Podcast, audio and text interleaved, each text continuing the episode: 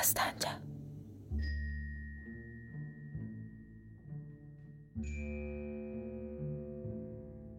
Mülkdar, hətta böyük mülkdar olan Hacı xanın hökumət quruluşu barəsindəki fikri qismən doğru idi. Lakin o hökumətin Renolkadarlar hökuməti olduğunu birdüylə anlamırdı. O bilmirdi ki, İranda torpaq məsələsini həll etmək hazırki hökumət quruluşu və hazırki parlament usulunun həll edə biləcəyi məsələ deyildi. Torpağın kəndliyə verilməsi hökumət quruluşunu, yəni mülkdar hakimiyyətinin kökündən dəyişməsini tələb edirdi. Parlamenta oturan, hökumət kabinəni təşkil edən, hətta Təbrizdə bizimlə yan-yana zidd inqilab mübarizə aparan bir çox rəhbərlər də torpaq məsələsini əsaslı surətdə həll edə bilməyəcəkdilər. Kədli azadlığı, kədli hakimiyyəti onları da qorxudurdu.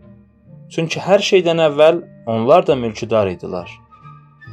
Hər halda mən Hacıxanın söhbətlərindən belə bir qərar çıxara bildim ki, Xan torpaqlarının rəiyyət əlinə keçirilməsindən razıdır.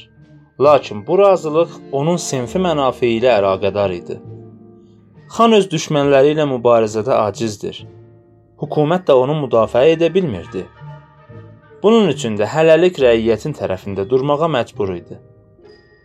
Bunu xan özü də açıq-aydın etiraf edirdi.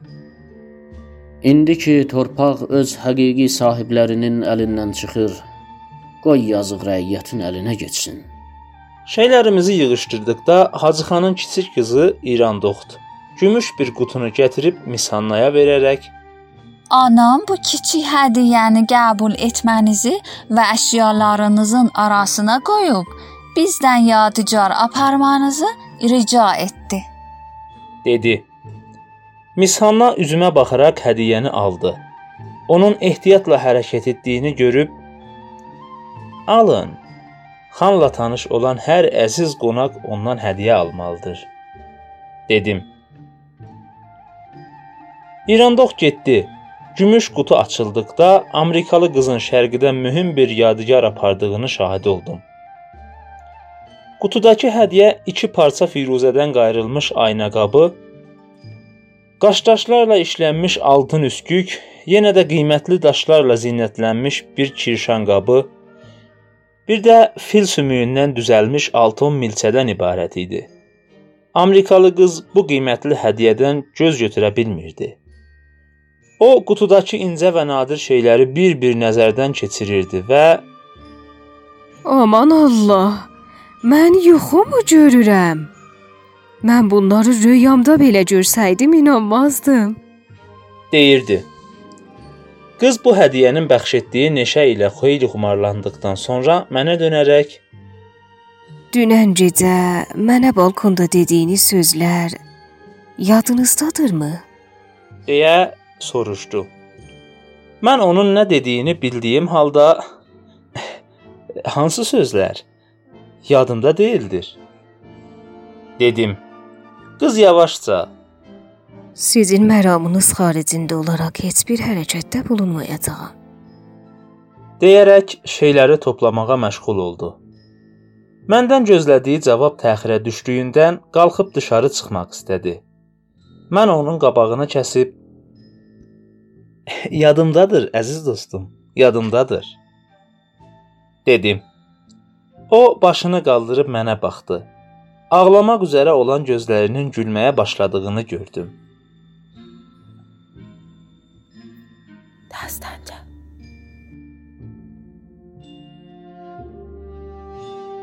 Təbriz yollarında Şeylərimiz faytondaydı.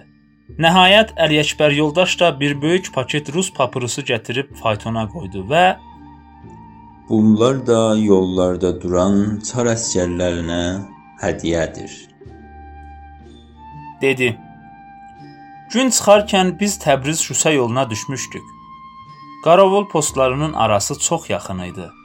Postların qabağından keçdikdə "Ay dayı, papırız" sözlərindən başqa bir söz eşitmirdik. Keçmişdə gördüyümüz çayçı dükanlarının hamısı qaravol postuna çevrilmişdi. Çar saldatlarının qorxusundan bir dənə də olsun çayçı dükanı qalmamışdı. Biz dərədizdən keçdikdə rus əsgərləri yaş meyvə aparan bir kəndlinin yükünü dağıdırdı. Kəndli gücbəla ilə səbətləri açıb yerə saldı və uzun qulağını bizləyib qaçdı. Gəzmə qaçaq dəstələrinə rast gəlirdik. Bunlar da kiçik karvanlara soxulur və pul, çay tələb edirdilər. 10 nəfərlik bir qazaq dəstəsi faytonumuza yanaşdı. Bizi diqqətlə gözdən keçirdilər. Miss Hanna və mənim İranlıya oxşamadığımızı görüb Ələkbər yoldaşa müraciət etdilər. Aha İranlı, Səttarxanı tanıyırsan? Əli Əkbər yoldaş rusca çox gözəl danışa bilərdi. Lakin özünü bilməməzliyə vurub Mən Səttarxan, Məttarxan bilmərəm. Onları tanımam. dedikdə Qazaq dedi: Sağ ol İranlı, pul, çay, məşrub var. Yenə də Ələkbər yoldaş özünü bilməməzliyə vurub dedi: Mən çay içmərəm. Əraq da içmərəm. Şərab da içməz. Namaz əhliyəm. Məgər görmüsən? Mən müsəlmanam. Qazaqlar əl çəkməyib, pulu çay sözünü Ələkbər yoldaşa başqa bir üsulla qandırmağa başladılar. Birisi əlini döşünə qoyub dedi: Sənin pul ver, mənim çay içər. Putum gedər, Təbrizə gedər. Kuda istər gedər. Bundan sonra Ələkbər yoldaş qazaqları 5 qran İran parası ilə razı saldı. Bütün yolu bu cür hadisələrlə başa vurduq. Amerikalı qız uzaqdan çar sərbazlarının başını gördükdə gizlənməyə yer axtarırdı. Dastanca. Günəş qərbə doğru irəlilədikdə Mərənd şəhrinin uzaqdan görünən qaraltısı get-gedə böyüməkdə idi. Mərənd şəhri keçmişdə gördüyüm şəhər değildi. Şəhərin ətrafında ehramlar kimi biri digərinin yanına düzülmüş əskər çadırlarının həddi hesabı yox idi. Şəhərin küçələrində səvari və piyada qoşun hissələri qarışqa kimi qaynaşırdı. Bir hadisə baş verərkən hərəkət etmək üçün məhəllələrin bir çoxu sökülürdü. Ətrafda rus sərbazlarının qışlaları da tikilirdi. Şəhərin hər tərəfində telefon xətti düzəlmiş və Mərənd şəhrinin həyatı cibhə həyatı şəklini almışdı. Biz post rəisi Əhmədxan Muqimotdöylənin evində düşəcəkdik. Zulfadan ona teleqrafla xəbər verilmişdi.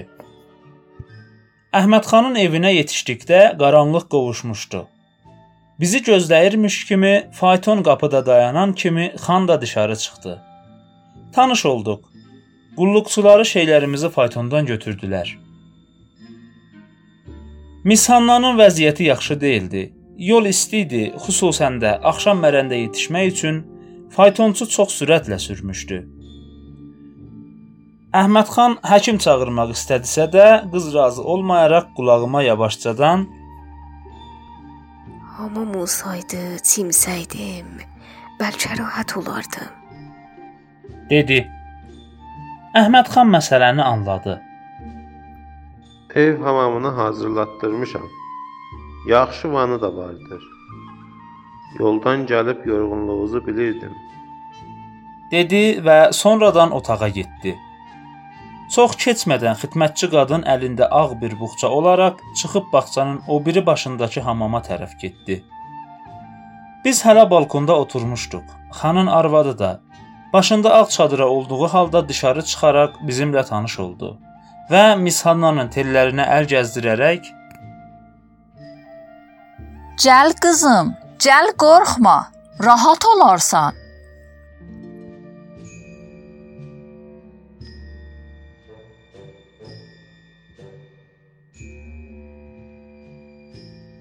Kitabın adı Dumanlı Təbriz.